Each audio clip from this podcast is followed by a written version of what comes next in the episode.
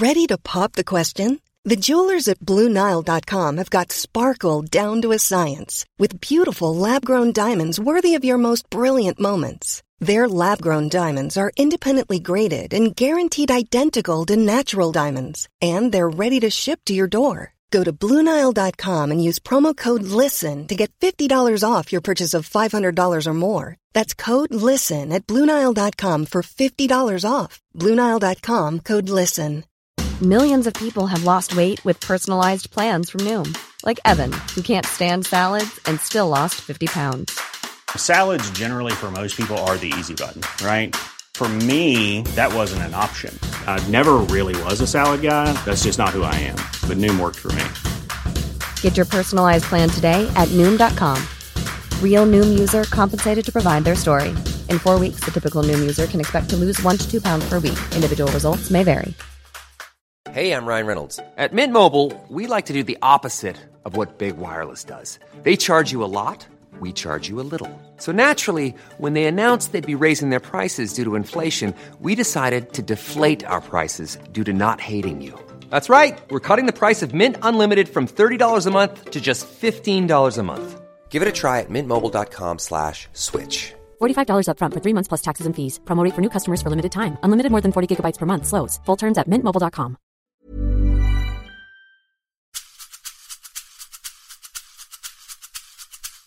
Jag gillade ju, inte bara gillade mitt jobb, men jag definierade inte mig själv som författare. Jag definierade mig själv som, som chefsjurist. Hela min yrkesidentitet, det var att vara chef och affärsjurist. Och när jag liksom presenterade mig så var det alltid, jag, jag är chefsjurist. Och så skriver jag lite. Så blir ju liksom dilemmat att som enda kvinna i koncernledningen, då kände jag att jag hade alltid suttit på mitt mandat som chefsjurist, men plötsligt så blir man också en symbol på något sätt. Och det tyckte jag också var ganska märkligt. Jag hade aldrig upplevt mig själv som en symbol för ett kön.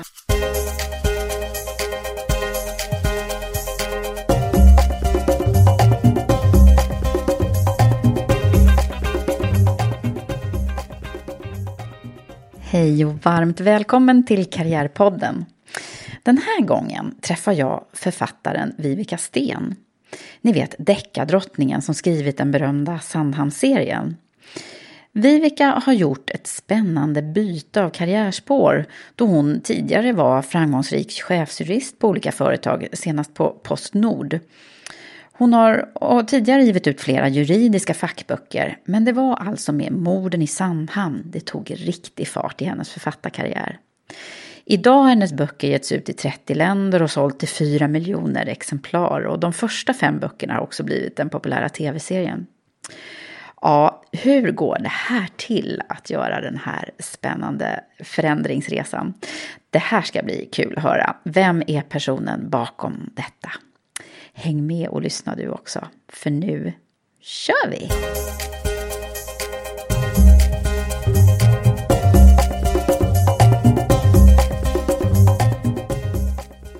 Vivica! Hallå, hallå. Välkommen till Karriärpodden. Tack så mycket.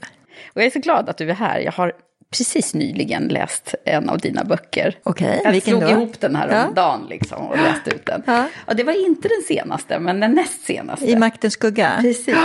Som handlar mycket om, som handlar om en riskkapitalist som köper en, en stor tomt, eh, strandtomt på Sandhamn och bygger ett schabrak som retar gallfjäber på alla grannar och öbor. Exakt, exakt. Ja, nej, den var jättebra. Jättebra, jag sträckläste den faktiskt. Och jag gillar dina böcker, så jag är extra glad över att du är här. Tack så mycket, ja men vad roligt. Det är ju... ehm, Det är många fler som gör, Ja, precis. kan man säga. Det- vilken det vilken karriär du har gjort som deckarförfattare. Ja, alltså med tanke på att det började som ett hobbyprojekt så, så kan man ju säga att om någon hade sagt till mig för tio år sedan att jag skulle bli, ja, bli en av Sveriges tio bästsäljande författare och, och, och gå på export utomlands och lämna mitt jobb som chefsjurist och starta en helt ny karriär så hade jag sagt aldrig i livet. Det, Ja, det var, finns det inte så på alltså. kartan. Du hade, det här är inte som du hade var ingen plan. planerat. Nej, ingen Nej, plan. apropå det där med att karriärplanera. Ja, nej.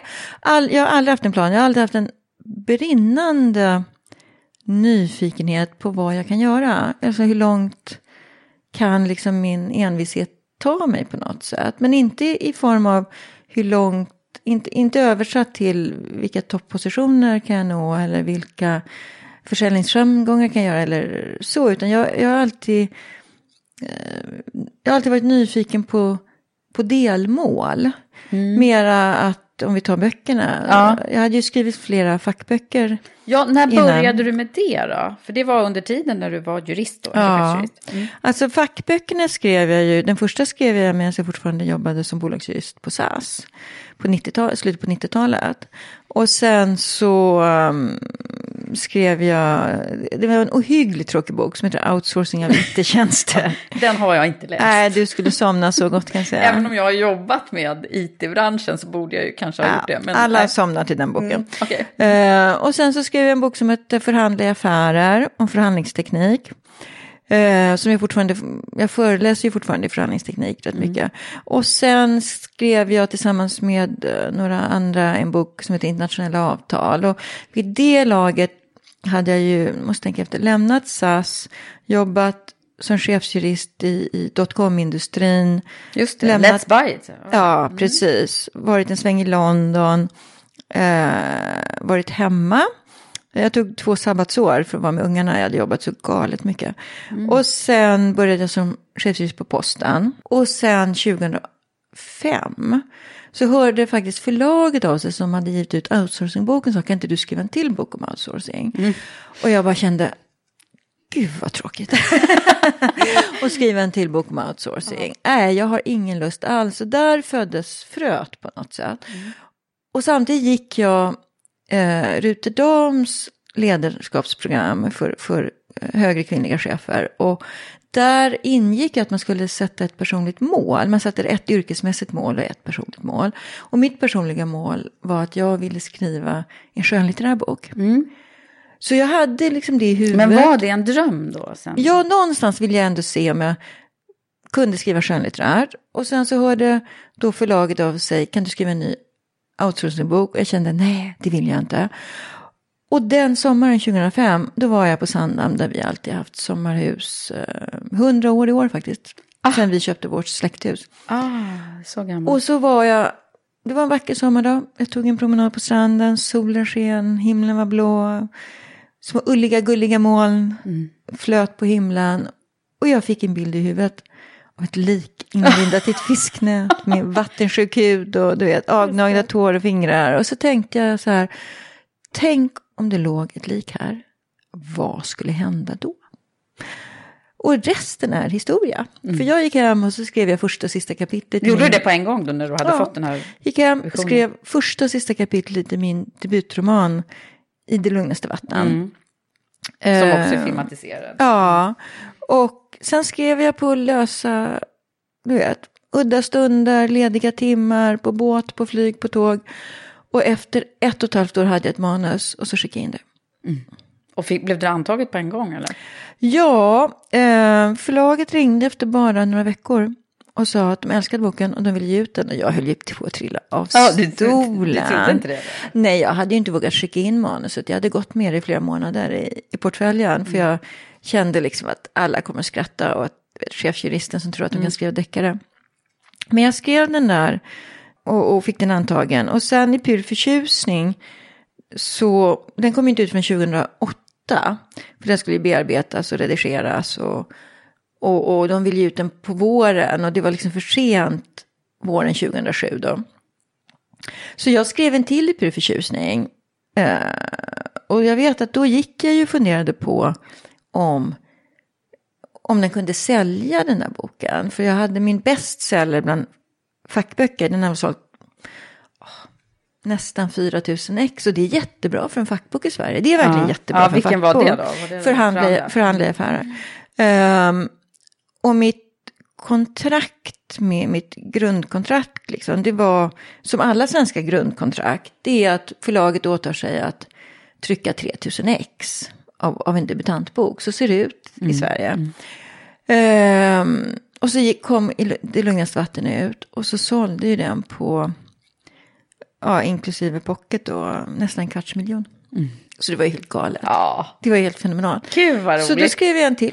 Och sen skrev och jag en sen har till. det varit eh, en om året. Ja, och Är sen... det något liksom också mål så här? Ja, Minst det- en om året eller? Ja, men det, har ju, det var ju det länge. Dels tror jag för att jag, jag gillar att jobba mot deadlines. Så, så, så ser det ofta ut i deckargenren liksom. Att eh, man kommer en viss tid och sådär. Så, att, eh, Så nu är det också en som håller på att eh, Ja, nu har jag gjort lite annat senaste, mm, senaste året liksom. Så att... eh, så vi får väl se. Jag ska börja skriva nya. Ja, nu. ja, ja, det ser vi fram emot. Men jag är ju också väldigt nyfiken på vem du är bakom det här och så. Och det, jag för, förmodar att du har fått frågan hundra gånger om, det, om du är Nora liksom. Men Nej. Alltså, Det- det är inget nej, alter ego, Jag nej. la Nora långt ifrån mig. Ja. Därför att jag tror att man måste förstå när man kommer ut med sin första skönlitterära bok så är man väldigt hudlös.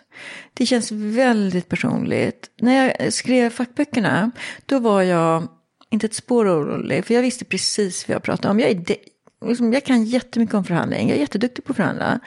Eh, jag kan jättemycket om outsourcing och jag har förhandlat stora it-avtal. Så jag var aldrig orolig på att någon skulle slå mig på fingrarna. Men det skönlitterära, då var jag liksom fem år. Det var jätteläskigt och då vill jag verkligen inte öka på det, spä på den känslan genom att göra Genom att liksom blotta mitt innersta i form av ett alter ego som huvudperson. Så att jag har gjort Nora, hon är, för det första är hon ju inte alls som jag. Hon- är lång, hon är blond.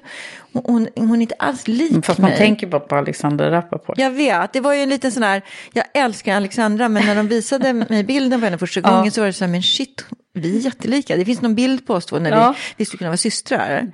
Ehm, så, att, så det var ju... Då blev den här, eh, ja, att man det, tror Det var att inte det kanske- planerat ja. liksom. Men, men ehm, Nora är ju, hon är, det är klart att det finns drag.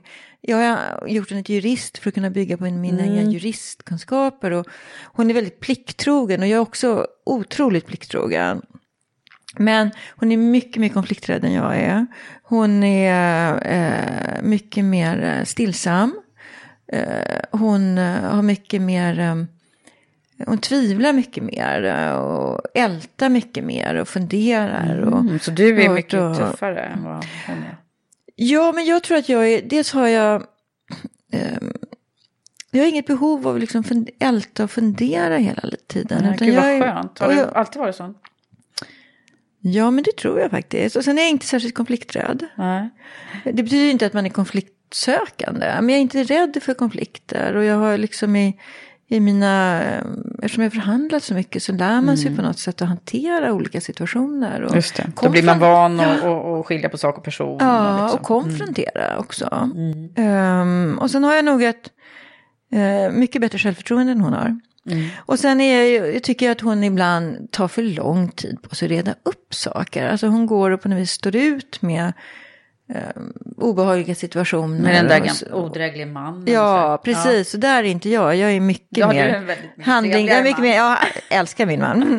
Men jag är mycket mer, jag är nog betydligt mer handlingskraftig. Mm. Tror jag. Jag, är, jag är väldigt bra på att få saker och ting gjorda. Mm, Men det är klart, det är klart att det finns drag. Jag menar, som, som författare befolkar man ju karaktärerna i sina böcker Mm. med olika drag som är, ofta härstammar från en själv. Det är bara det att du sprider ut eh, de olika...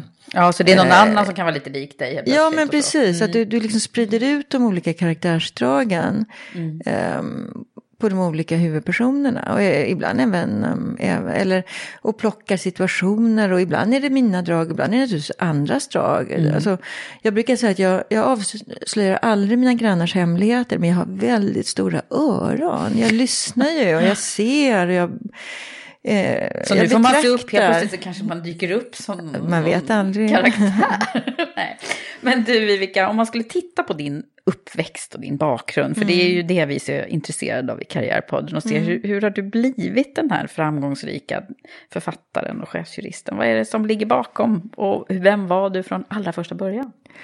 Ja, alltså jag är ju... ehm, jag skulle önska att jag kunde säga att jag var en, ehm, en fri själ, men det är jag inte. Jag är Eh, en väldigt mycket en produkt av, um, av en familj med många, många, många jurister i släkten. Ah, det var rakt nedstigande alltså. Absolut, och pappas flicka på så sätt att... Uh, alltså min pappa och två farbröder har läst juridik. Min farfar var chefsjurist på Johnsonkoncernen. Uh, min gammelfarbror läste juridik. Jag har en kusin som, som har läst juridik. Så att vi, dels har vi jättemycket jurister i familjen.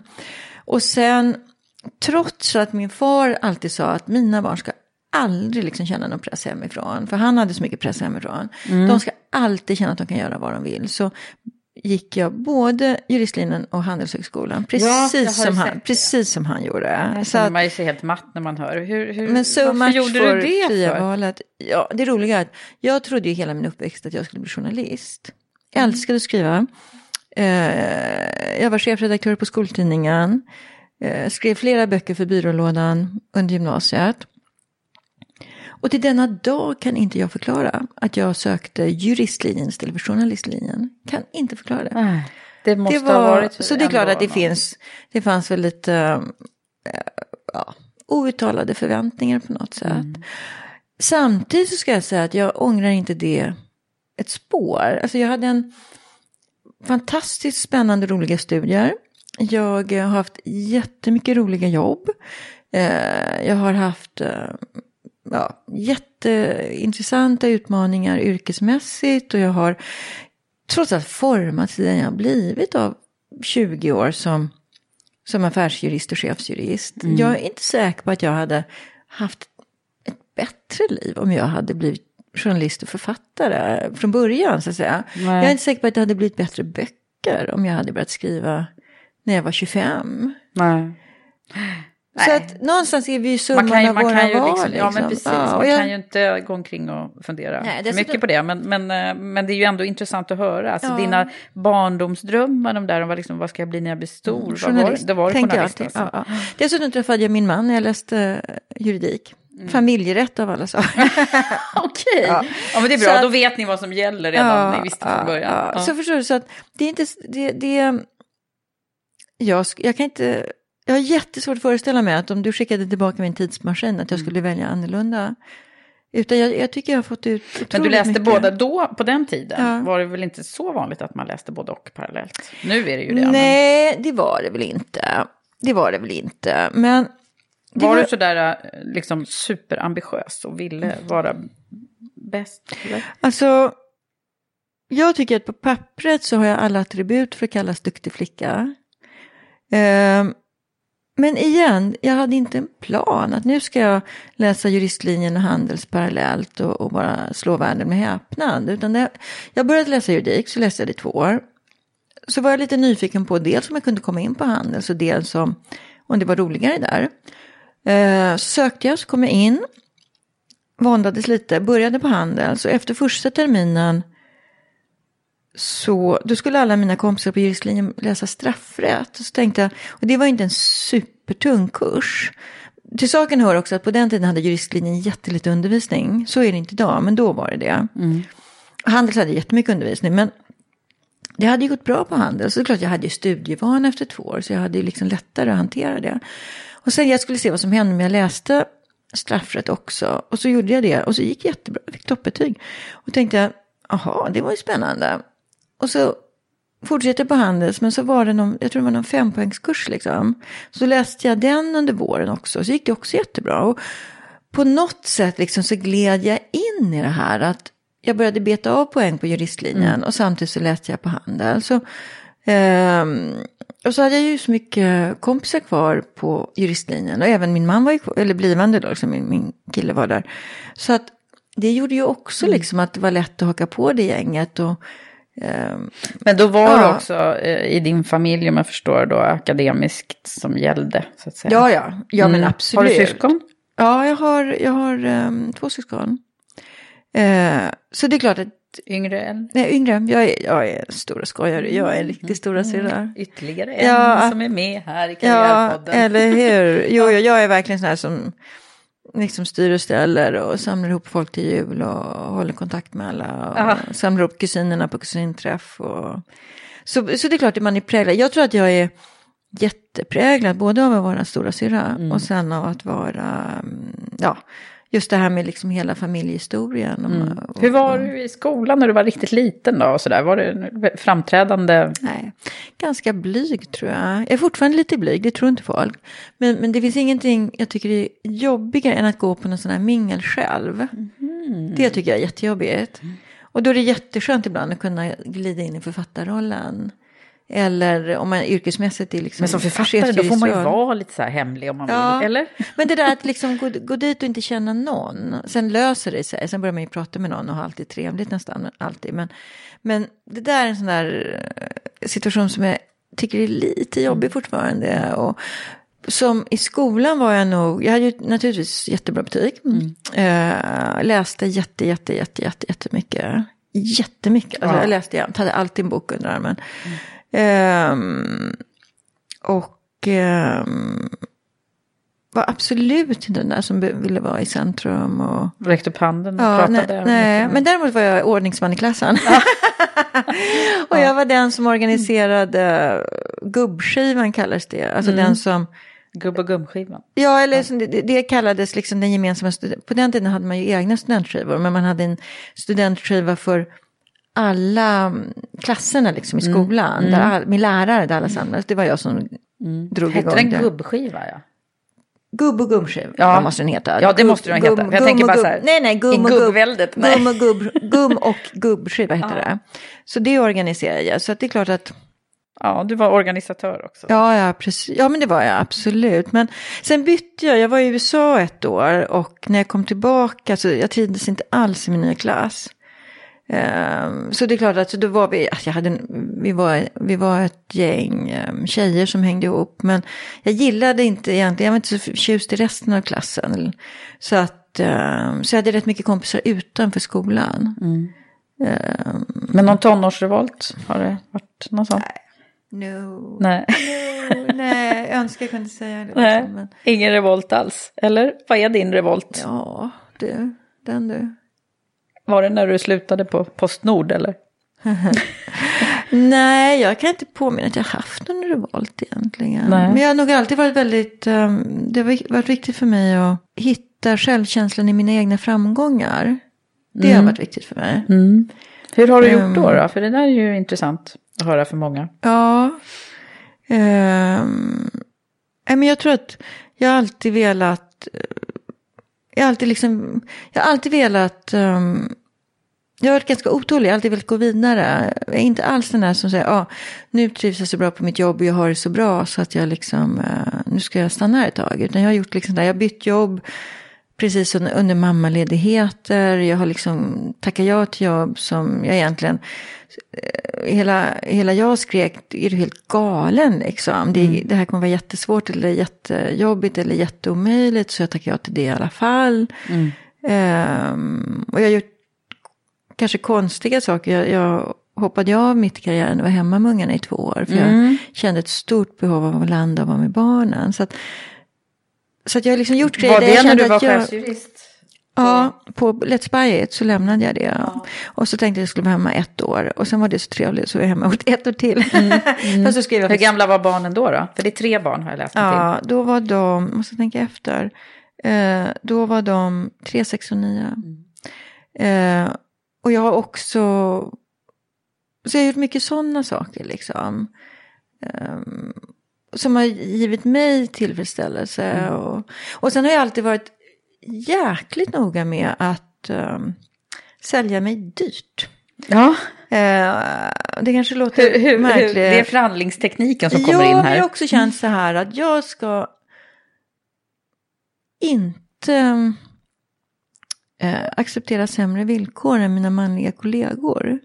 Det har varit viktigt för mig. Mm. Min mamma, min, mina föräldrar skildes ju när jag var liten, när jag var sex år. Så jag är uppvuxen med ensamstående mamma och min bror. Det präglade mig tror jag, att min mamma alltid var orolig för ekonomin. Jag ska säga att vi hade det väldigt bra jämfört med väldigt många. Vi bodde i en villa och hon var väldigt mån om att vi skulle liksom ändå kunna göra de saker vi borde. Som våra liksom, klasskamrater kunde göra. Vi skulle kunna åka skidor och, och sådär. Men, Mm. men det präglade mig mycket att hon alltid var orolig för ekonomin och alltid... Och att Är hon, det en drivkraft tror du som har... Ja, det tror jag säkert. Att jag, ville, jag har alltid... Jag är väldigt starkt uppfostrad till att jag ska kunna klara mig själv. Mm. Vad som än händer så ska jag kunna försörja mig själv. Det är jättestark. eh, Mm. Det är ju Drivkraft. en väldigt, ja, det är ju ofta sådana saker som ligger bakom till Ja, att, det liksom, att man så här, hela tiden vill ha nytt, ny framgång. Och så Ja, också. ja, men också det här att, att um, jag, jag ska inte vara liksom beroende av någon annans inkomst. Nej. Utan jag ska alltid kunna stå på egna ben. Och det är en stor Mm. Men din man har gjort en strålande karriär också. Absolut. Det, det går, det, det går, Vad är det han gör idag? Ja, och vad gör han inte, eller på. Ja. Men det är inom fastighetsbranschen? Han jobbar inom fastighetsbranschen. Han, um, han, han var Europachef för General Electric för deras fastighetsverksamhet i rätt många år och pendlade till Paris fram och tillbaka. Eh, och sen kom han hem för två år sedan och då startade han ett eh, eget fastighetsbolag som jobbar framförallt med kommersiella fastigheter. Hur har det där gått då? Med Ja, två stycken ja, som gör precis. karriär. Det är Sen ju alltid han- spännande att höra. Ja, sen tog han på sig en massa styrelseuppdrag också, eller tvärtom. Han tog på sig en massa styrelseuppdrag för han skulle bli styrelseproffs. Sen startade han företag i alla fall. Nu har han det också. Mm. Ja, både och. Och det har Ja. ju du också kan man Ja, säga. så, då. precis. Så han jobbar ju väldigt mycket. Men jag tycker vi har varit jättebra på att Dels har vi växeldragit. I perioder har han jobbat jättemycket och så har jag tagit större ansvar hemma. I perioder har jag jobbat jättemycket och rest väldigt mycket. Då har han tagit större ansvar. Så att jag tycker vi har varit rätt bra på att växeldra. Och så har vi alltid pratat Det är bra det där växeldra. Det, är Ja. ju ett, det är någonting som jag tror man skulle behöva lära sig också. Att, att det är helt okej att man liksom, nu jobbar du jätteintensivt, då kan jag, alltså att man hela tiden varvar. Och det är ju likadant faktiskt i jobbet, när man, jag kan dra parallellen med min kompanjon nu, vi växeldrar också. Ja. Eh, även om vi jobbar mycket båda två. Men, men alltså det är ju det är ju så bra när man kan liksom jacka i varandra. Ja, men jag tror man måste det, annars Mm. går det ju inte. Och sen har vi alltid haft liksom ett ständigt pågående samtal. Vi Mm. pratar alltid, vi kan prata och ringa varandra tre, fyra, fem gånger om dagen. Ah, Gör ni det fortfarande efter hur många år det som gör- gifta? Ja, det, ja, vi har varit gifta 26 år. Det har gjort Mm. kärlek mycket. det. Ja, men det är också ett partnerskap. Vi, jag tycker att vi är mycket starkare. Vi, vi är mycket starkare tillsammans Mm. än var och en för sig. Jag blir mitt bästa jag med Lennart. Mm. Och jag hoppas ju att han blir sitt bästa jag med mig. Men där, det tror Nu jag blir han glad när han hör det här. Ja, men jag tror det betyder jättemycket.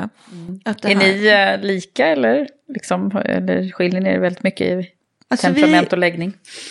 Vi, jag tror att vi är lika, vi har väldigt mycket drivkraft bägge två. Och vi är väldigt, eh, vi är väldigt fokuserade liksom på att vara väldigt bra på det vi gör. Vi gör helt olika saker. Men jag tror vi har, på det viset tror jag att folk kan tycka att vi är lika, att vi är väldigt drivna och vi är väldigt eh, inriktade. Han är jätte, jätte, jätteduktig på fastigheter liksom. Och, eh, han är också väldigt duktig på att förhandla faktiskt. Ehm, Ja, det måste man kanske vara då. Ja, och så är vi nog rätt starka Botox Cosmetic, out of botulinum toxin A, FDA approved for over 20 years. So, talk to your specialist to see if Botox Cosmetic is right for you. For full prescribing information, including boxed warning, visit BotoxCosmetic.com or call 877-351-0300. Remember to ask for Botox Cosmetic by name. To see for yourself and learn more, visit BotoxCosmetic.com. That's BotoxCosmetic.com. Introducing Wondersuite from Bluehost.com. Website creation is hard, but now with Bluehost, you can answer a few simple questions about your business and get a unique WordPress website or store right away. From there, you can customize your design, colors, and content. And Bluehost automatically helps you get found in search engines like Google and Bing. From step-by-step guidance to suggested plugins, Bluehost makes WordPress wonderful for everyone. Go to bluehost.com/wondersuite. Hey everyone, I've been on the go recently Phoenix, Kansas City, Chicago. If you're like me and have a home but aren't always at home, you have an Airbnb. Hosting your home or a spare room is a very practical side hustle. If you live in a big game town, you can Airbnb your place for fans to stay in. Your home might be worth more than you think. Find out how much at airbnb.com slash host. Millions of people have lost weight with personalized plans from Noom, like Evan, who can't stand salads and still lost 50 pounds. Salads, generally, for most people, are the easy button, right? For me, that wasn't an option. I never really was a salad guy. That's just not who I am. But Noom worked for me. Get your personalized plan today at Noom.com. Real Noom user compensated to provide their story. In four weeks, the typical Noom user can expect to lose one to two pounds per week. Individual results may vary. Hey, I'm Ryan Reynolds. Recently, I asked Mint Mobile's legal team if big wireless companies are allowed to raise prices due to inflation. They said yes. And then when I asked if raising prices technically violates those onerous two year contracts, they said, What the f are you talking about, you insane Hollywood ass? F- So to recap, we're cutting the price of Mint Unlimited from $30 a month to just $15 a month. Give it a try at mintmobile.com slash switch. $45 upfront for three months plus taxes and fees. Promo for new customers for limited time. Unlimited more than 40 gigabytes per month. Slows. Full terms at mintmobile.com. personligheter. eh, Han tar väldigt mycket plats.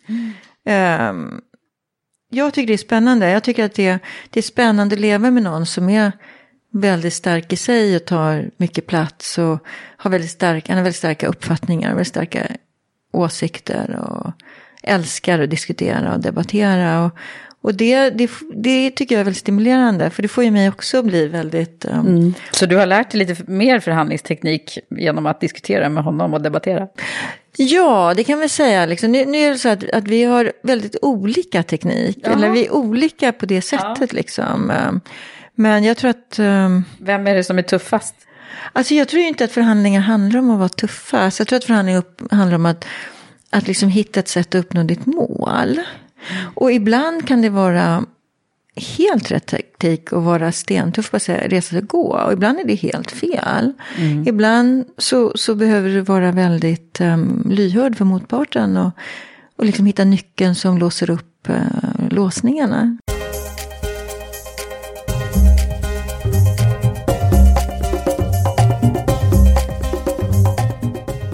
Men du, eh, om man tittar, jag pr- pratar ju ofta om det här med att en karriär är ju sällan spikrak och, och så. Det händer ju saker längs vägen. Vad, vad är det som har varit dina liksom, toppar och dalar här längs, längs resans gång? Kan du tydligt se det om du skulle rita upp din tidslinje här nu? Ja, Vi kan väl börja med godbitarna då. Vad har varit höjdpunkterna? Alltså det har ju varit jättemycket roliga saker, det måste jag säga att det har varit. Alltså jag, eh, jag hade otroligt kul när jag jobbade på SAS under 90-talet. Det var en sån fantastisk värld på något sätt. Allting var möjligt. Ehm, det var en sån tilltro och det var liksom... ehm, eh, SAS var, ett sånt där ställe som alla ville jobba på. Och det var väldigt ehm, mycket dynamik och det var mycket talang. Och, samlat på ett ställe. Så att det var otroligt kul att jobba på SAS.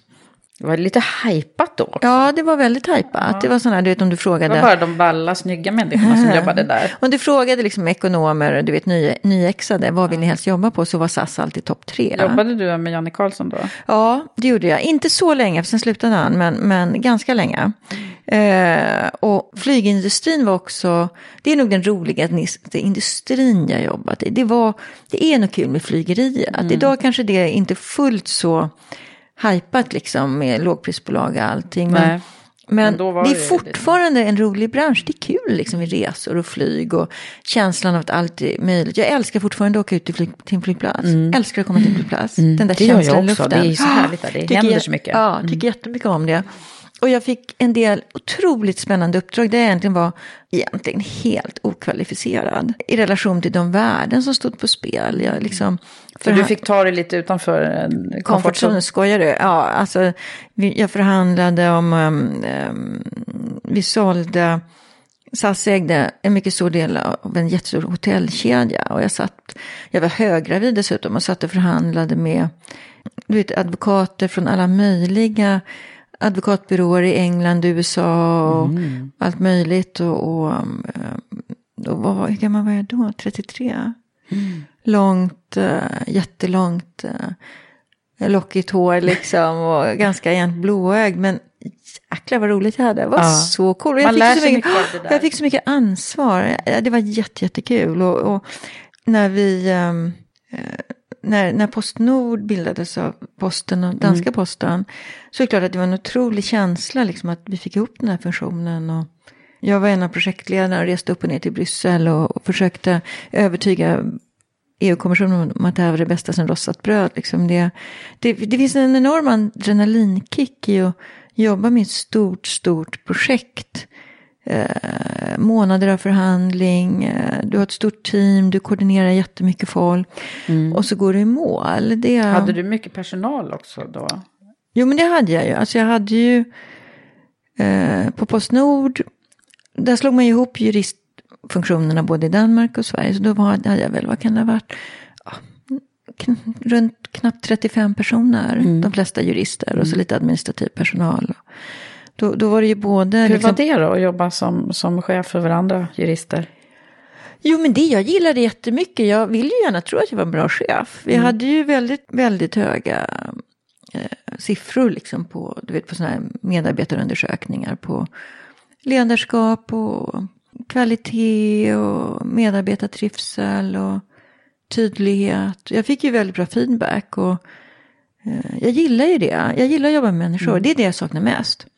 Men hur gick det till egentligen när du, jag vet inte om jag har det riktigt klart för mig, när du tog steget att liksom sluta som, alltså när du skulle satsa då fullt ut på deckarjobb? Alltså det var ju så här, eh, Posten och Post Danmark gick ihop 2009. Och då hade ju min, min andra bok precis kommit ut. Och jag jobbade ju som en galning, jag jobbade ju vanvettigt mycket. Och samtidigt skrev jag på nätterna, det var så himla roligt. Så jag skrev, skrev, skrev och jobbade, jobbade. Och det är klart att det var en jättestor utmaning ändå att få ihop två så um, stora bolag. Alltså, sa- Postnord hade ju när man gick ihop 44 000 medarbetare. Det är galet mycket. Ja, och, och 35 medarbetare är kanske inte så stort i det sammanhanget, men det kräver ändå rätt mycket. Det är en stor specialistavdelning. Och så satt jag i koncernledningen och så, så var jag sekreterare i koncernstyrelsen. Så jag jobbade väldigt mycket med ledningsfrågor. Alltså um, ja, leda, en, leda en koncern helt enkelt. Det var ju, det, det var ju i begreppet chefsjurist ligger lika mycket chef som jurist. Så att säga. Jag var ju egentligen mycket mer chef, jag var ju inte så mycket jurist de där Då, åren. nej. För det, det var så mycket kring, em, jag la säkert 50% på koncernledning och styrelsefrågor. Liksom jobba, man jobbar Men var det så att det var svårt att hinna med allt detta? Ja, men man kan säga, alltså jag jobbade väldigt, väldigt, väldigt många timmar. Och så skrev jag. Och då var ju ungarna, måste tänka efter, då var ungarna em, 11, 14 och 17. Och sen så gick det något år till och så skrev jag em, en bok till. Och sen tog min äldsta, min dotter Camilla, då, hon tog studenten. Och där någonstans började jag känna att jag tyckte jag jobbade alldeles för mycket. Men jag kände också att jag, och jag har alltid jobbat mycket. Men det var inget roligt att vara borta från barnen så mycket. Och hon tog studenten. Det blev så väldigt tydligt för mig att Snart är de stora. Ja, snart flyttar de hemifrån. Och jag ville inte att de skulle känna att hela deras tonårstid liksom. Så jobbar jag jämt. Jag var aldrig där. Och min man var ju, han jobbade i Paris då. Så att han stack ju på måndagarna och kom hem på torsdagarna. Så han var ju borta mycket också.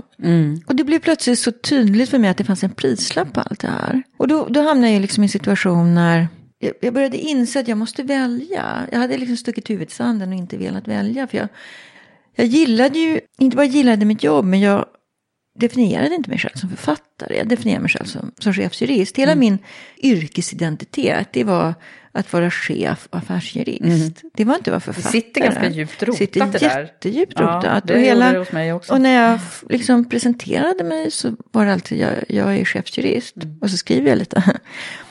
Men det blev liksom tydligare tydligare att jag måste välja. Och till slut så kände jag, och det här, vi pratar om en lång, det här var en lång process också. Jag ville verkligen inte lämna författandet. Det var så roligt. Jag kunde Så lusten fick avgöra här? Lusten var att skriva, inte jobba. Jag, och så kände Men jag- livnärde du dig, alltså nu förstår jag att ni hade ekonomiska resurser, men, men kunde du leva på författandet i början? Ja, det kunde jag. Det gick så bra redan Det gick så, med första... Vid det laget gick det så pass bra. Alltså nu, pratar, nu är vi framme vid 2011 och där har jag redan givit ut fyra böcker. Mm. Så, så svaret ja, jag kunde försörja mig på det. Eh, och så tänk, vet du, jag tänkte också så här lite grann, vad ska jag bevisa och för vem? Jag har, vid det laget har jag ändå jobbat som första affärsjurist. Jag, har haft- det var mitt tredje chefsjurist, stora chefsjuristjobb. Jag behövde inte bevisa för någon att jag, att jag är en duktig jurist. Nej. Utan jag tänkte liksom att om det här går med författeri går åt skogen, det är klart att jag kan alltid lura någon stackars advokatbyrå upp på läktaren och ge mig ett jobb. Alltså jag kan alltid försörja mig Ja. som jurist, det är klart att jag Så det går att ta sig tillbaka om man skulle göra. Ja. Det där är ju också en bra grej. Jag menar, Ja. våga prova och sen så går det ju liksom Ja, att svänga tillbaka till motorvägen. Om man har tagit en det liten klart. avstickare som jag brukar göra Ja. den eh, Ja men det är klart. Och det är klart att jag även liksom under de där första tiden efter att jag hade lämnat blev kontaktad av folk som sa, men du sk- skulle du vara intresserad av att liksom komma till oss eller skulle du vara intresserad av att prata om, om det här jobbet och allting. Så att jag kände ju, och det är klart att det var ju skönt för självkänslan att känna att jag, jag är fortfarande intressant på marknaden. Men jag har inte, alltså, jag har inte ångrat mig en sekund Nej. helt uppriktigt från hjärtat. Det var, det tog en jättelång tid att fatta beslutet. Men när jag hade fattat det, det var självklart. Jaha. Det var självklart från dag ett. Det är skönt det där när man liksom slår in näven. Men du, eh, nu har vi pratat om en massa bra saker och sådär. Men jag förmodar att det är precis som med oss alla. Att du har också haft stunder när det har varit tuffare i livet. Absolut. Vad har du för några, någonting som, som har på något sätt, vi hamnar ju i vägskäl och... Jag har, ehm, det är lite olika, det är stort och smått ska jag säga. Jag, ehm, jag hade en kollega som var väldigt narcissistiskt lagd. Och det skakade om mig väldigt mycket, att jobba i, ett, i en position där, där någon ljuger och hittar på saker och eh, baktalar och eh, talar illa. Och jag var inte, det var inte bara jag, det var många som råkade ut för det här. Men innan man eh, förstår att, alltså fr- från början, att de flesta människor går ju inte omkring och tänker att den där personen ljuger. Den där personen går till vår gemensamma chef och och hittar på saker. Så tänker man inte. En, en normal hjärna tänker inte så. En normal hjärna tänker men oj, det måste bli ett missförstånd. Eller oj, den här personen måste ha tolkat det på konst, eller på konstigt sätt. Eh, När man hamnar i en situation där man måste försvara sig inför en gemensam chef. Det tyckte jag det var väldigt omskakande. Och innan jag liksom förstod vad som pågick. Var det här hyfsat tidigt i din, eller Nej, mitt, det mitten var, på din karriär? Ja, det var i mitten på min karriär. Det, det var väldigt omskakande. Eh, jag tror egentligen de flesta människor gått. Och jag i min karriär tror jag har, har nästan med ett eller två undantag alltid haft väldigt bra relationer till mina kollegor, liksom, mina kollegor i koncernledningen, till mina eh, chefer. Mm. Eh, men det där skakade om mig rätt ordentligt. Och så småningom Du vetskapen av att alla, alla tänker inte som jag. Nej, men inte bara det att, att du kan, att, liksom att om du hamnar i en situation där någon är, alltså det, det finns ju, alltså det finns ju en diagnos som heter narcissism, Mm. liksom. När, men att när du, du är ganska försvarslös, om, du- om du själv vill ha en anständig relation till omgivningen, om du själv är en sån där så att du inte ljuger och inte hittar på, eh, och inte baktalar andra människor, Mm. utan bara försöker göra ditt jobb på ett bra sätt, så är du ganska försvarslös mot någon som inte har de hämningarna. Mm. Det var en ganska obehaglig upplevelse och det, det tyckte jag mm, var svårt Var att jobbig- hantera. jobbig tid. Ja, det var rätt jobbigt. Sen har ska jag också säga att när, vi, när Postnord och Posten gick ihop, då blev jag ganska chockad av hur, hur lite intresserad man var av kvinnligt ledarskap i eh, Post Danmark. Det hade jag inte Det var skillnad mellan Sverige och Det var Danmark. en enorm skillnad. De hade ju inga kvinnor i koncernledningen i Post Danmark. Och de hade väl någon på nivån under. Och, så, och det var kemiskt rent liksom. Eh, och de var inte dugg intresserade av kvinn, att främja kvinnligt ledarskap. Eh, så att när vi bildade den nya koncernledningen då var vi eh, först två kvinnor. Det var bara alltså jag och HR-direktören. Och sen slutade hon. Och då var jag ensam kvinna i koncernledningen. Och förblev det. Under, Tills jag lämnade. Och det var jättetufft. Det var jättetufft att vara ensam kvinna i Ja, koncernledningen. hur, hur, hur, kan du exemplifiera? Ja, men överhuvudtaget. Alltså, det, ehm, det, ja, på första, första gången vi skulle ha ett gemensamt chefsmöte i den nya koncernen. Då skulle vi gå igenom programmet för, ja, programmet för den chefskonferens. Vi skulle samla de hundra högsta cheferna. Och så går vi igenom, du vet, de olika programpunkterna. Och då konstaterar jag att det är inte en kvinna på scen. Vi ska presentera för de högsta hundra cheferna och i alla fall så har, då är det ändå ett antal kvinnor med. Dels från Sverige, Ja. hyggligt många. Och så är det ju ändå, du går ju ner på nivåerna. Så på nivå två och tre har de ju ändå kvinnor. Men så vi ska, vi ska ha ett program på, ja, kan det ha varit fyra timmar, fyra, fem timmar. Men ingen Det är kvinna här, inte en kvinna på scen. Vad gjorde du då? då? Nej, jag, jag begärde ju ordet och så ja, adresserade frågan och sa liksom, men hur tänker ni nu? Men det var ganska Var det som att tala med en vägg? Omskakande. Det var ganska omskakande. Dels att ingen ens tänkt tanken att, att eh, så här kan vi inte ha det. Mm. Och sen så blir ju liksom dilemmat att som enda kvinna i koncernledningen, då kände jag att då, då blir jag, då blir man ju, jag hade alltid suttit på mitt mandat som chefsjurist, men plötsligt så blir man också en symbol på något sätt. Och det tyckte jag också var ganska märkligt. Jag hade aldrig upplevt mig själv som en symbol Nej. liksom för ett kön. Nej. Ja, vi har ju en kvinna Tidigare. här och det är du liksom. Ja, ja. Eh, och jag förstår till denna dag inte ska säga att man inte eh, liksom insåg magnituden av det. Att ha en kvinna i en koncernledning i flera år. Och vad det skickar för symbolverkan. Och det är klart att jag ansträngde mig till yttersta för att lyfta frågorna. Men det är också så att, vi, jag kommer inte ihåg om vi var 10-12 personer. Det går liksom inte. Du, du kan inte vara en, en enda räcker inte. Nej, det blir verkligen en minoritet. Ja, och, och det, från den sidan så var det, det var som att prata med en vägg. Noll intresse.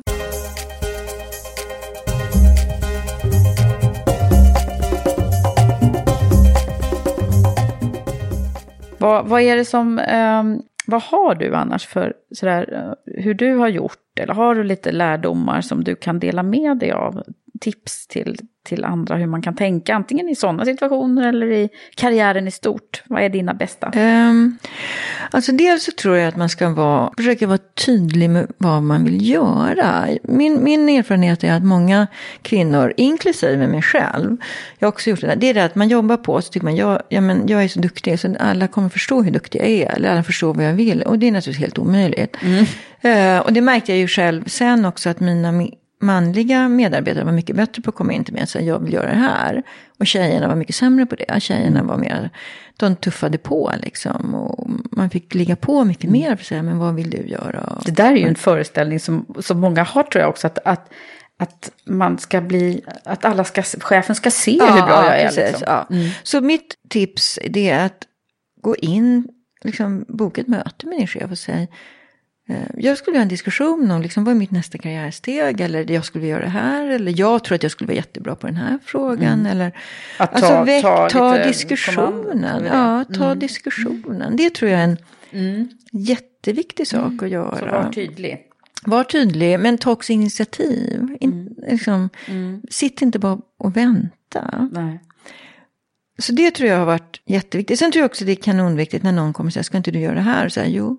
Det där är också sådär, ja men inte kan jag och inte ska jag. Och Skulle jag verkligen kunna? Och, ehm, Så tvivla inte i de lägena menar du? nej, tvivla inte i de lägena.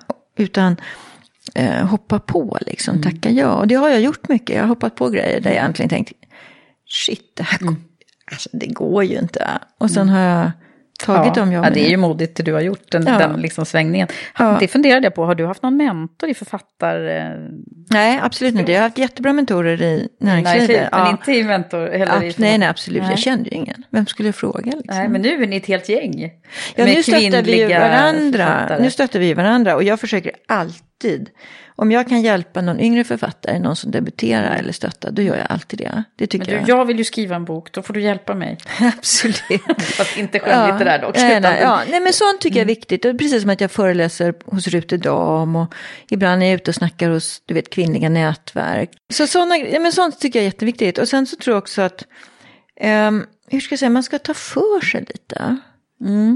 På vilket Eh, sätt ska man göra det? då? Jo, om man ser något man kan göra så ska man räcka upp handen och säga jag kan göra det där. Ehm, sen har jag ett tips till som jag tror är kanonviktigt. I, särskilt om du sitter i, i, liksom, i lite större företag. Det är att du ska förankra dina idéer. Det tror jag tjejer är urusla på. För man går ut och så har man en så jättebra idé och så lägger man ett förslag i en ledningsgrupp eller någonting. Och så bara tycker att man att alla ska se storheten i det här. Och folk gillar inte att bli överraskade. Nej, så Och man det- ska liksom snacka Du- runt lite. Förankra det? Ja, det gjorde jag jätte... Jag jobbade, jag tror att eh, det hjälpte mig jättemycket i de storföretag jag jobbade i. Att jag var runt och pr- jag pratade med folk. Jag, jag bokade möten med många hos mina ledningsgruppskollegor innan. Jag såg alltid till att jag hade snackat mig, ihop mig med vår eh, vd om saker jag ville göra. Så jag var, jobbade jättemycket med förankringsprocessen. Är, är män bättre på det här? Ja, tror du? tror jag. Absolut. Ja, det tror jag. De är mycket bättre på att förankra och snacka ihop sig och gå och äta lunch och prata och sådär. Men jag jobbade rätt mycket med det ehm, i olika sammanhang. Att jag snackade med olika liksom, eh, personer som hade mycket att säga till om. Det är ju Och förankrade oss jättebra dem. Så tips där när jag jag. sen kom till koncernledningen med ett förslag. Då hade jag pratat med många redan innan och försäkrat mig om att jag hade stöd för det jag ville göra. Mm. Superbra. Det där det kan man tänka på också i, i försäljning och i andra sammanhang. Ja. Att man liksom behöver oftast Ja. prata med många. Eh, Ja, men du måste ju förankra lite gerillakrigföring får man tillåta sig. Mm, Liksom. Man får det, bilda lite kartell sådär. Ja. Du, Vivica, eh, det är ju, du har ju verkligen också slagit internationellt eh, med, med dina böcker. Hur är det egentligen? Du finns överallt. Du, man kan, jag såg på någon flygplats, liksom, då var dina böcker där. Översatta Ja. till många språk. Ja, alltså de ges ju ut i nästan 30 länder idag. De har sålt i, i, i omkring 4 miljoner exemplar worldwide. Och, Det är ju liksom hisnande ja, det är siffror. hisnande siffror. Och Blir du inte lite så här, ha? Ibland. Jo, men det är klart. Alltså, tv-serien har ju sett av mer än 50 miljoner människor. Det är rätt coolt liksom. Det är otroligt mycket människor. Ja, jag är väldigt förtjust i han polisen faktiskt. Ja, det är jag också. Jakob Cedergren. Ja. Han är jätte, jätteduktig. Ehm, jo, men det är klart att... Han verkar mig- så liksom, sympatisk och human på något sätt. Ja, precis som han ska så- vara i böckerna. Han ska ju vara en riktigt trevlig person liksom. Ehm, jag tror att, ehm, Ska de inte bli ihop någon gång? det frågar alla. Ja. Vi får se. Vi får jag har se. inte bestämt mig. Jag har lovat, jag har precis, jag har ju lovat tio böcker i serien. Mm. Och nu har jag precis skrivit på ett stort kontrakt för ytterligare tre böcker i serien. Mm. Så att, eh, så det blir, jag vet vad jag ska göra till ungefär 2023 liksom. Åh men gud, då behöver du lite uppslag tycker jag. Du tänker så? Eh, nej, nej, men då, då måste ju, måste ju kunna be sig lite från Sandhamn också någon gång ibland och sådär eller? Jag har ju utvidgat upptagningsområdet lite. Det har ju gått åt lite folk nu, både på Utö Ja. och Vaxholm och till och med Birkastan. Liksom, Ja, att, just det. ja. Men du, sen har du ju faktiskt, avslutningsvis ska vi bara nämna, du har ju skrivit en, en, en bok. Den allra senaste boken är väl tillsammans med din dotter va? Som du har skrivit. Djupkraven, det Ja. är en rysartrilogi för eh, slukaråldern, alltså 10 till 15. Som utspelar sig också i skärgården, men inte den här soliga, somriga skärgården, utan den här höstliga, mörka oktoberkänslan. Du vet när turisterna har lämnat, flyttfåglarna har gett sig av, dimman rullar in, eh, fukten dryper om grenarna. Och eh, kusliga saker börjar hända under ytan. Ah, handlar om 12-åriga Tuva som bor på Harö och när hon ska ta skolbåten till skolan på Rummarö så rör det sig i djupet. ah. Men den här är alltså skriven för ungdomar? Mm, ungdomsbok. Eh, nu ska jag säga att det är många faktiskt vuxna som har läst den också och gillar den som tur är. Men det, tänk dig Harry Potter i skärgården. Aha. Lite magi, lite folktro, lite John Bauer-känsla. Sjömansskrock och som sagt eh, Hur läskigheten. var det att skriva med, tillsammans med sin dotter då? Vem har skrivit mest liksom? Nej, men jag tror vi har skrivit, vi har skrivit ungefär lika mycket. Hon har skrivit, vi, har skrivit, vi skrev synopsis och sen tog hon eh, det, så skrev hon grundmanus. Och sen tog jag det och så skrev jag om allting om du frågar henne. Och sen har vi bollat det mellan oss. Idag lovar jag dig, du kan inte se vem som har skrivit vad längre. Nej. Och det har varit mm. jättekul att mm. ha det är många en... som gör sån här collab nu. Ja, mm. och också det här att hitta, hon är 24, att mm. hitta en dotter hur ska jag säga, en vuxen relation till ett barn som flyttat hemifrån. Mm. Eh, och en kreativ relation dessutom. Men, så hon, hon vill bli, gå i dina fotspår nu då? Ja, hon debuterade ju på Ordfront för ett år sedan med en politisk spänningsroman som heter En annan gryning, en dystopi. Så hon står ju verkligen på egna ben. Mm.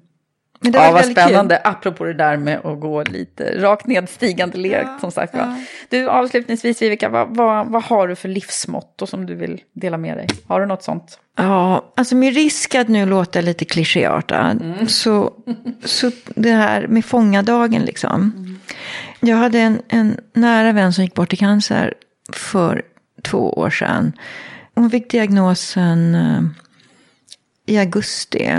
Hon trodde hon var intolerant mot gluten. Eh, mm. Och att liksom hon hade lite ont i magen. Och sen så visade det sig vara cancer. Och så gick hon bort. Mm. Tre månader. Mm.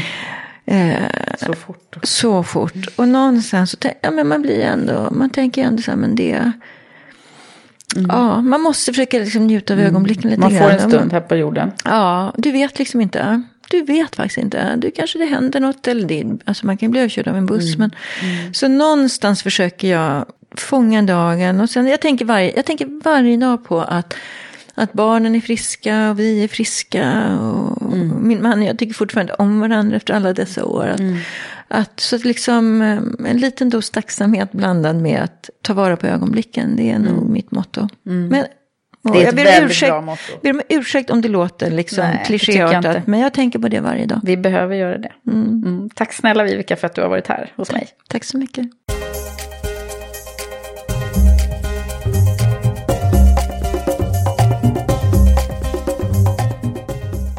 Så här efter vårt samtal så kan jag reflektera över hur bra det är att få höra att man alltid kan byta spår.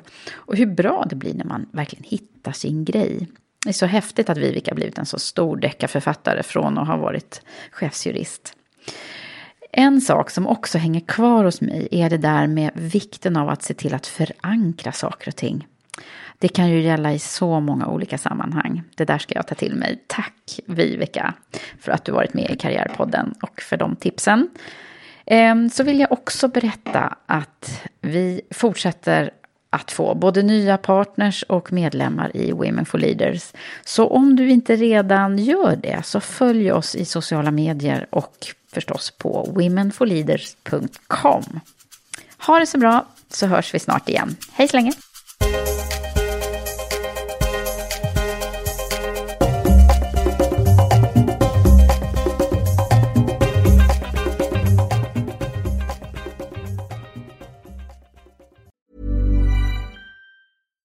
Subtle results, still you, but with fewer lines. Botox Cosmetic, out of botulinum toxin A, is a prescription medicine used to temporarily make moderate to severe frown lines, crow's feet, and forehead lines look better in adults. Effects of Botox Cosmetic may spread hours to weeks after injection, causing serious symptoms. Alert your doctor right away as difficulty swallowing, speaking, breathing, eye problems, or muscle weakness may be a sign of a life threatening condition. Patients with these conditions before injection are at highest risk. Don't receive Botox Cosmetic if you have a skin infection. Side effects may include allergic reactions, injection site pain, headache, eyebrow and eyelid drooping, and eyelid swelling. Allergic reactions can include rash, welts, asthma symptoms, and dizziness. Tell your doctor about medical history, muscle or nerve conditions including ALS or Lou Gehrig's disease, myasthenia gravis, or Lambert Eaton syndrome and medications, including botulinum toxins, as these may increase the risk of serious side effects. For full safety information, visit BotoxCosmetic.com or call 877 351 0300. See for yourself at BotoxCosmetic.com.